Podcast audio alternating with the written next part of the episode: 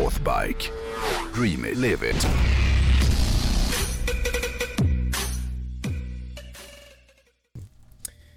Du, idag tänkte jag snacka om den sjukaste julklappen som jag någonsin har fått.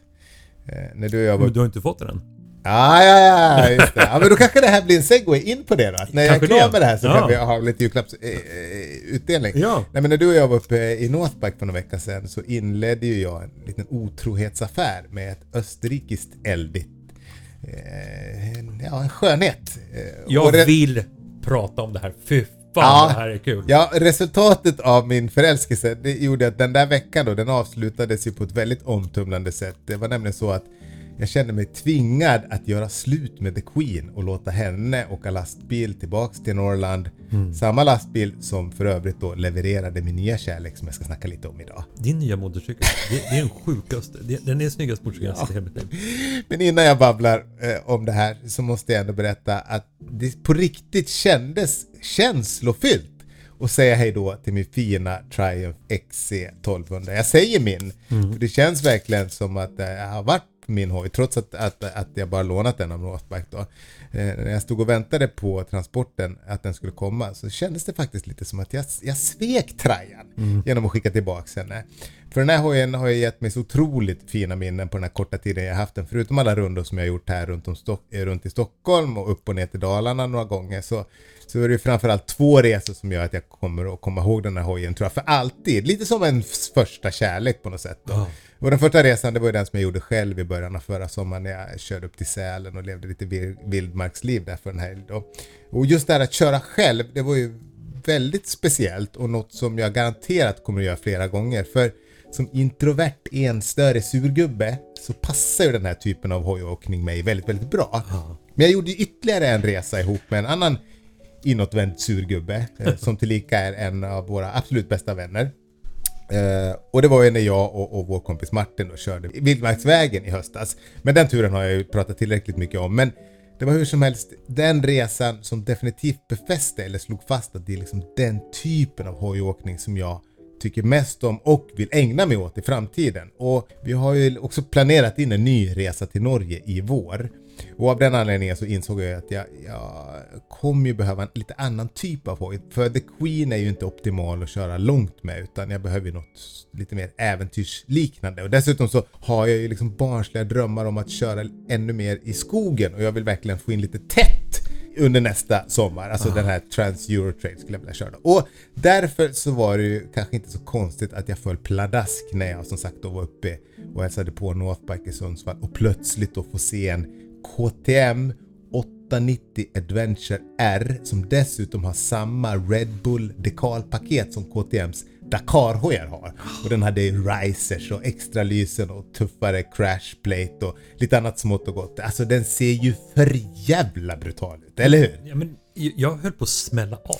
För jag såg ju den på bild innan. Ja, den gör sig inte så bra på bild.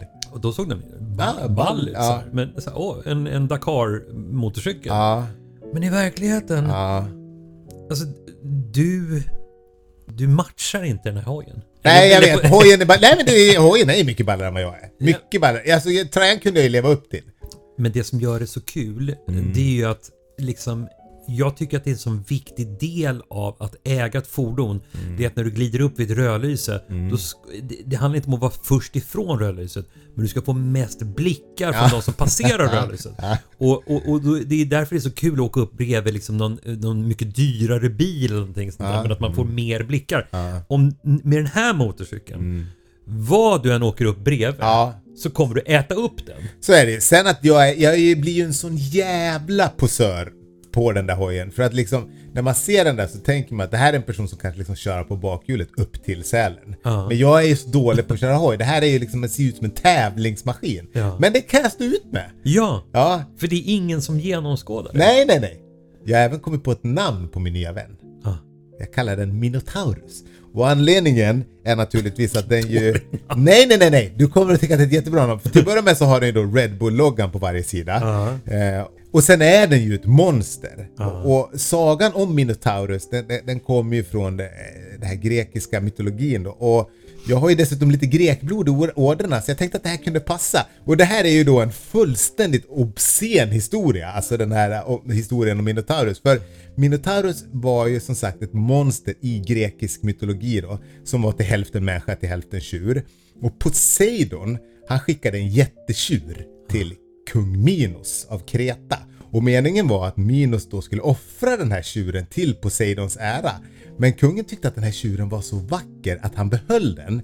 Men grekgudarna var ju perversa och lättstötta typer. Precis som alla greker är ju. Eller Nej, jag skojar. Eh, men Poseidon han blev hur som helst förolämpades och hämnades på det där typiska sättet som det känns som alla grekiska gudar gör. Det vill säga att de ser till att då någon knullar med ett djur.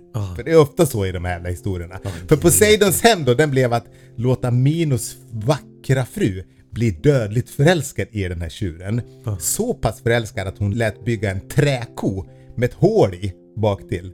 Och sen kröp hon in i träkon och ja, lät tjuren göra det som tjurar gör bäst så att säga. Ja, och sen nio månader senare så föder hon då ut Minotaurus.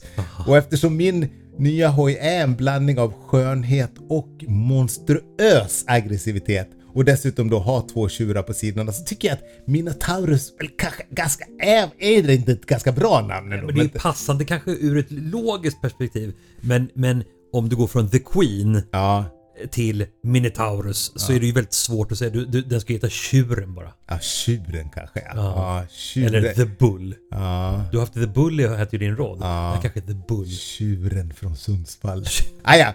Eh, nej men så även eh, om jag som sagt tyckte att det kändes sorgligt att säga adjö till Scramden då så, så kan jag knappt bärga mig och jag vill att det ska bli vår nu så jag får liksom börja mitt nya liv med den här otroliga maskinen. Men genom åren som gå- gått sedan man var liten så är det ju några julklappar som man minns för alltid. Jag minns till exempel en radiostyrd Datsun 180Z som jag fick 1978 och även en bilbana som där bilarna lyserna på bilarna lyste då, som jag fick något år senare. Det minns jag mycket väl. Och jag minns även när jag fick mina gula Lange 10-pjäxor någon gång där på slutet på 80-talet. Men i, Visst var det så att julklappar satt hårdare inne när vi var barn? jo, men man fick ju inte så jävla mycket som lortarna Nej. får nu. Man fick kanske en fin grej, sen fick man ju praktiska, lite tråkigare exakt. grejer. Det, det liksom. var strumpor och kallingar Ja. och, och, och, sen fick man en, En grej. en Ja, grej. Och som man då minns. Ja. Men inget går ju upp mot julklappen som Northbike levererade förra veckan och jag slogs då av att den här känslan man får när baklämmen öppnas på lastbilen och, och liksom hojen materialiseras framför ögonen på en. Det är ju en känsla som verkligen ringar in den här Northbikes tagline Dream it, live it. För, för det de gör är ju att de, de, de levererar ju drömmar till folk runt om i Sverige och därför de går ju lite på ett sätt att likställa med en tomteverkstad i det, tänker jag. Och kontentan, tänker jag, är ju då att att få en hoj eller en skoter eller något annat fränt levererat från Northbike, det är ju en underbar känsla. Och nästa vecka tänkte jag faktiskt snacka lite mer om det här med att förverkliga en dröm genom att köpa något eh, som man har drömt om länge. Men du, Mm. innan du klipper av det här samtalet. Mm. alltså, du måste beskriva känslan när baklämmen på lastbilen öppnas. För du hade ju också bara sett den här hojen på bild. Ja, nej, jag hade ju sett den i Sundsvall veckan innan. Jag Aha, hade ju setat på ja, den där uppe. setat på ja, den. ja, Det var ja, gud ja. du- ja. för- Nej, det var därför det var kört när jag såg den. För jag hade sett den på bild innan och var såhär, ja den är ball men jag vet inte fan. Men sen när jag såg den i Sundsvall då var det bara, men vänta nu. Det, här, det blir inte fränare än så här. Nej, för, att, nej, för du har ju parkerat den ute i mitt garage i Ja, Vallentuna. ja. Mm. Och när jag kom dit eh, igår, jag, jag var tvungen att bara... Du, du vet när man, när man tar sig för ansiktet och Mm. bara, åh helvete. Ja. Fast man inte någon annan är Nej. där.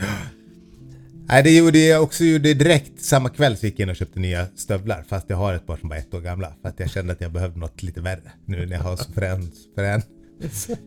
Jo men du, ska du ändra din färgton för din... din Jag kan inte, jag har inte råd, jag kan inte köpa en ny jacka.